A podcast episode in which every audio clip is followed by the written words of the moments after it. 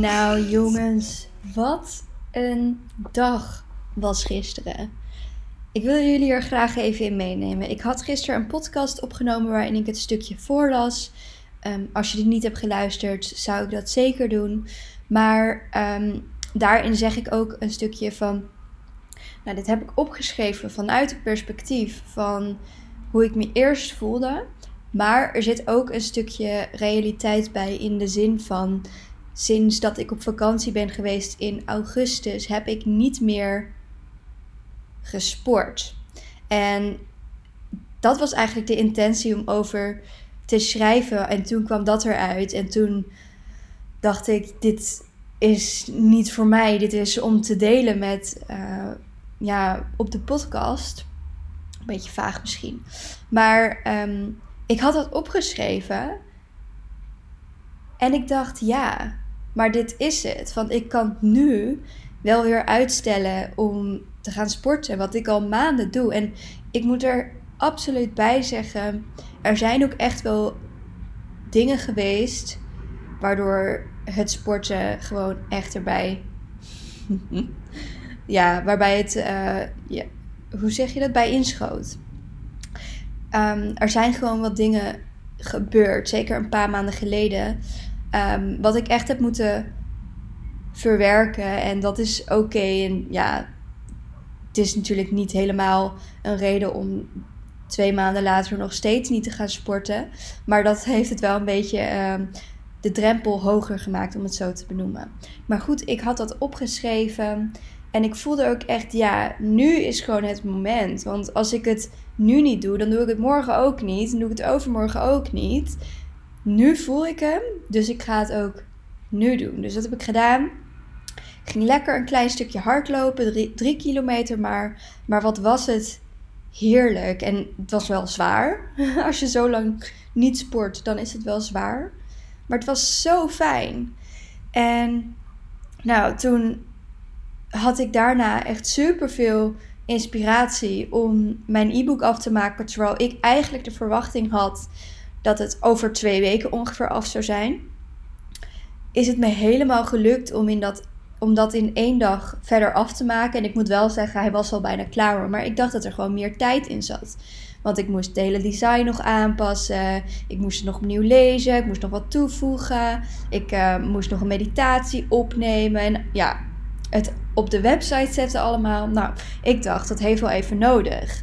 Ehm, aangezien het ook niet mijn main job is, moet dat dan gewoon maar ergens tussendoor. Maar gisteren had ik er tijd voor en ik zat er zo lekker in. Ik zat zo lekker in die hyperfocus dat het gewoon is gelukt. En oh, dit voelt zo goed om zoiets af te maken.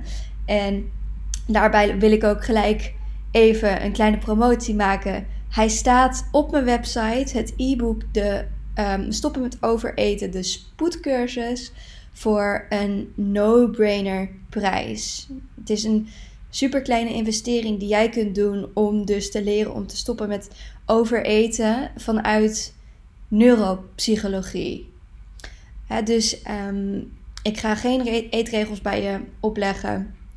Ik ga je niet vertellen ehm, dat als je dit eet, dat je sowieso gaat overeten. En dat als je gaat detoxen, dat het dan beter wordt. Of dat je bepaalde pillen moet slikken of wat dan ook. Het gaat echt om het gedrag. En daarin neem ik je mee van hoe werkt dat nou? Hoe komt het nou? En hoe kun je dat oplossen? En niet alleen met informatie, maar ook met tools, met brain hacks, met opdrachten, affirmaties, noem maar op. Ik zal de link in mijn bio zetten, mocht je geïnteresseerd zijn. Ik ben er zelf in ieder geval echt lazend over, enthousiast over. Maar goed, dat dus. En uh, wat ik ook nog heb gedaan is iets wat ik alweer uitstelde. Heb ik nu gewoon ook weer even gedaan. Even wat administratieve taken. Terwijl het eigenlijk al, ja, om het maar even zo te noemen, na werktijd um, was. Want ik dacht, ik zit er zo lekker in. Ik heb helemaal geen zin om te stoppen met werken. Nou, toen hebben we heerlijk even gegeten. Mijn vriend had lekker gekookt. Wat doet hij dat toch goed? Daar ben ik heel erg blij mee. Hij is nu ehm, vrij. Hij was- eh, een paar weekjes vrij. En eh, ik merk echt dat hij dan helemaal het leuk vindt om eh, lekker te koken en zelfs te bakken. En nou, daar hoor je mij natuurlijk niet over klagen, want hij kan heerlijk koken. En hij vindt het ook nog eens hartstikke leuk. Dus nou, super fijn. En daarna, jongens, oh my god, ik ben zo enthousiast. Ik weet niet of ik het al iets eerder heb benoemd. Maar ehm, wij hadden altijd al het plan om naar Japan te gaan. En nu heb ik anderhalf jaar geleden bedacht van nou, we gaan in 2023, voorjaar 2023 naar Japan. Want het is heel makkelijk om, als je het niet inplant, ehm, om het voor je uit te schrijven. Van ja, we gaan ooit naar Japan. Ja, maar wanneer dan? En toen ik dat bedacht, leek het me een goed moment. Want dan ehm, was ik al een tijdje afgestudeerd. Dat ik al een tijdje, zeg maar, dat hoopte ik in ieder geval natuurlijk. En eh, gewoon, ja, een steady inkomen, waardoor je dat eh, kunt doen. Want het kost natuurlijk allemaal nogal wat. En ook, zeg maar, gewoon de tijd. Ehm, dus, nou, heel lang was het gewoon een idee. Dan komt het toch steeds dichterbij. Dan is het opeens niet eh, over anderhalf jaar, maar over een jaar. En dan is het opeens niet over een jaar, maar over een half jaar ongeveer. En ja, dat is natuurlijk ontzettend eh, spannend allemaal. En dan wordt het opeens super echt. Dus we waren al een tijdje naar tickets aan het kijken. Maar dat was allemaal best wel een gedoe. Want die tickets zijn gewoon echt mega, mega, mega prijzig. En dat is het helemaal waard. Maar op het moment dat wij eigenlijk wilden gaan. Nou, misschien weet je het al. Als je bekend bent met Japan, dan wil je natuurlijk naar de bloesem. Dat is eind maart. Maar iedereen wil naar die bloesem. Dus die prijzen van die tickets zijn echt belachelijk hoog. Dat gaat echt over 3500 tot 4000 voor twee personen dan. ehm, voor alleen nog maar de tickets. En dat, ja, dat vonden wij toch wel overdreven. En zo belangrijk vond ik het dan eigenlijk ook weer niet om naar die bloesem te gaan. Dus we hebben uiteindelijk besloten om niet in maart te gaan, maar in mei dan zijn de prijzen wat eh, leuker, om het maar zo te noemen. En hopen we eigenlijk ook dat het minder toeristisch is. Want we houden eigenlijk allebei niet zo van die chaotische drukte. Dat is ook een beetje de reden dat we in een dorp zijn gaan wonen. Dat we niet eh, vaak te vinden zijn in de stad van Amsterdam, maar dan toch liever een hoofddorp of een Amstelveen. Hè? Toch wat minder druk dan Kalverstraat. Ehm, ja, dus gisteravond hebben we die tickets daarvoor geboekt. En jongens, ik ben zo enthousiast. En het voelt zo goed om dit eindelijk te hebben vastgelegd. En het is geregeld en het is gedaan. En natuurlijk moeten we nog een heleboel andere dingen regelen. Ehm, ik ga volgende week bijvoorbeeld mijn paspoort regelen. Ja, ja, ik heb nog geen eens een paspoort. Ik ben 25 jaar en ik heb nog geen paspoort. Omdat ik nog nooit buiten Europa ben geweest. Eh, en zo zijn er nog andere dingen die we moeten regelen. We moeten nog een, een treinkaart zeg maar, regelen. Waardoor we lekker kunnen rondreizen die drie weken lang. En eh, nou, zo zijn er nog meer dingen die we alvast moeten doen. Eh, maar het was dus een ontzettend, ontzettend, ja, grote dag in mijn beleving. En dat is heel bijzonder. Dat wilde ik even met jullie delen. Maar in deze podcast wilde ik graag jullie meenemen in het stukje stop met overeten.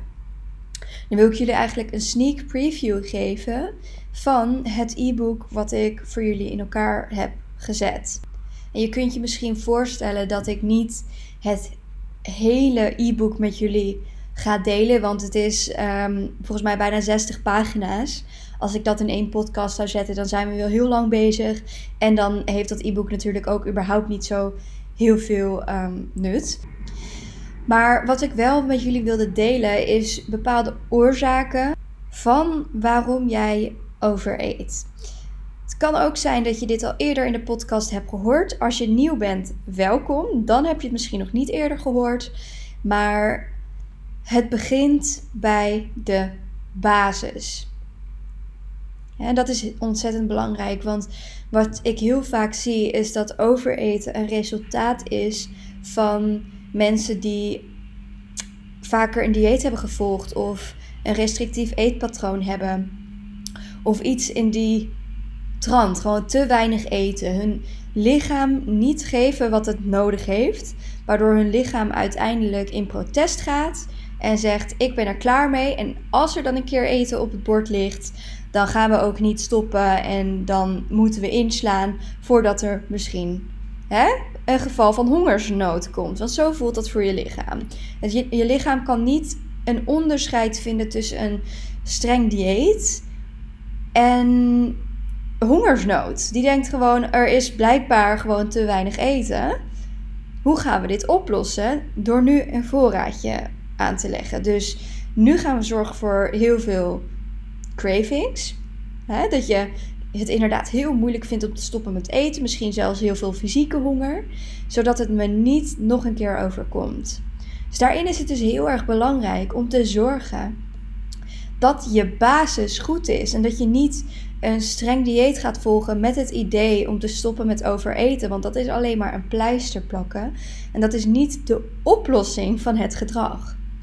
Maar het is wel heel belangrijk om voldoende te eten. Hè? Eet voldoende keren op een dag. Ik ben daarin ook niet zo, zo'n fan van maar drie maaltijden eten bijvoorbeeld. Ik zou gewoon zeggen ongeveer drie maaltijden, twee à drie tussendoortjes op een dag. Dan hou je het regelmatig voor jezelf. Dan hou je die bloedsuikerspiegel stabiel. En dan heb je ook minder snel cravings. Maar ook dus dat je gewoon voldoende calorieën eet. Dat je niet in een heel groot tekort zit. Of dat je hele voedingsgroepen overslaat. Zoals dat je helemaal uh, geen granen eet omdat je koolhydraatarm wil eten. Of dat je helemaal geen vetten eet. Um, hè, zoals noten, zaden, weet ik veel wat, avocado, andere vetrijke dingen. Met het idee van, nou, dat bevat veel calorieën, dus dat mag ik niet.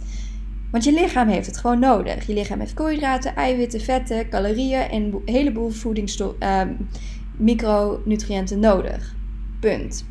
En als je je lichaam dat niet geeft, dan zitten daar zeker op de lange termijn risico's aan verbonden. Maar het kan ook dus al sneller gebeuren dat je gewoon bepaalde cravings krijgt, waardoor je gaat overeten.